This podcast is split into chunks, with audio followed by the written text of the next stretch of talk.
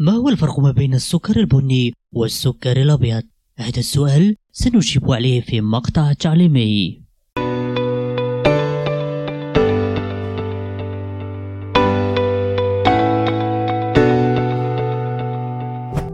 هناك نوعين من السكر في الطعام وهي السكريات الطبيعية المتواجدة في الثمار والمزروعات والسكريات المضافة مثل السكر الأبيض والسكر البني والعسل والسكريات المصنعة ولكن ما الفرق بين السكر البني والأبيض؟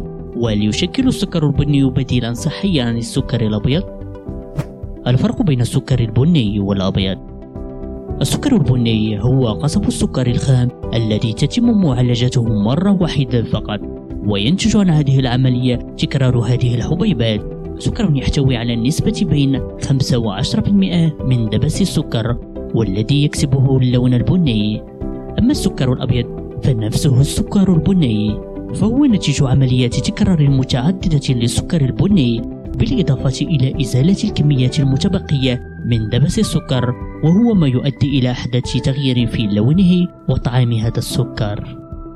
كثير من الناس يعتقدون أن السكر البني أكثر فائدة من السكر الأبيض ويعتبرونه صحيا أكثر. ولكن الحقيقة هي أن السكر البني أكثر رطوبة وله رائحة تختلف عن السكر الأبيض فقط. أما في القيمة الغذائية فلا يوجد اختلاف ملحوظ بينهما فكمية الألياف والمواد الغذائية المتبقية من السكر البني قليلة جدا. لذلك فإن السكر الأبيض ليس بديل للسكر البني.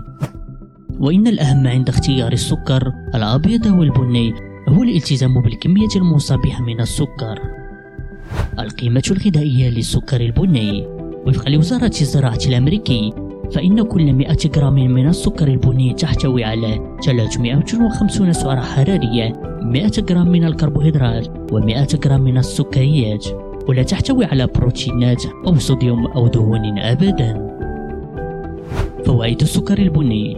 وفقا لمعهد السكر الكندي إن السكر البني لا يختلف كثيرا عن السكر الأبيض من الناحية الغذائية.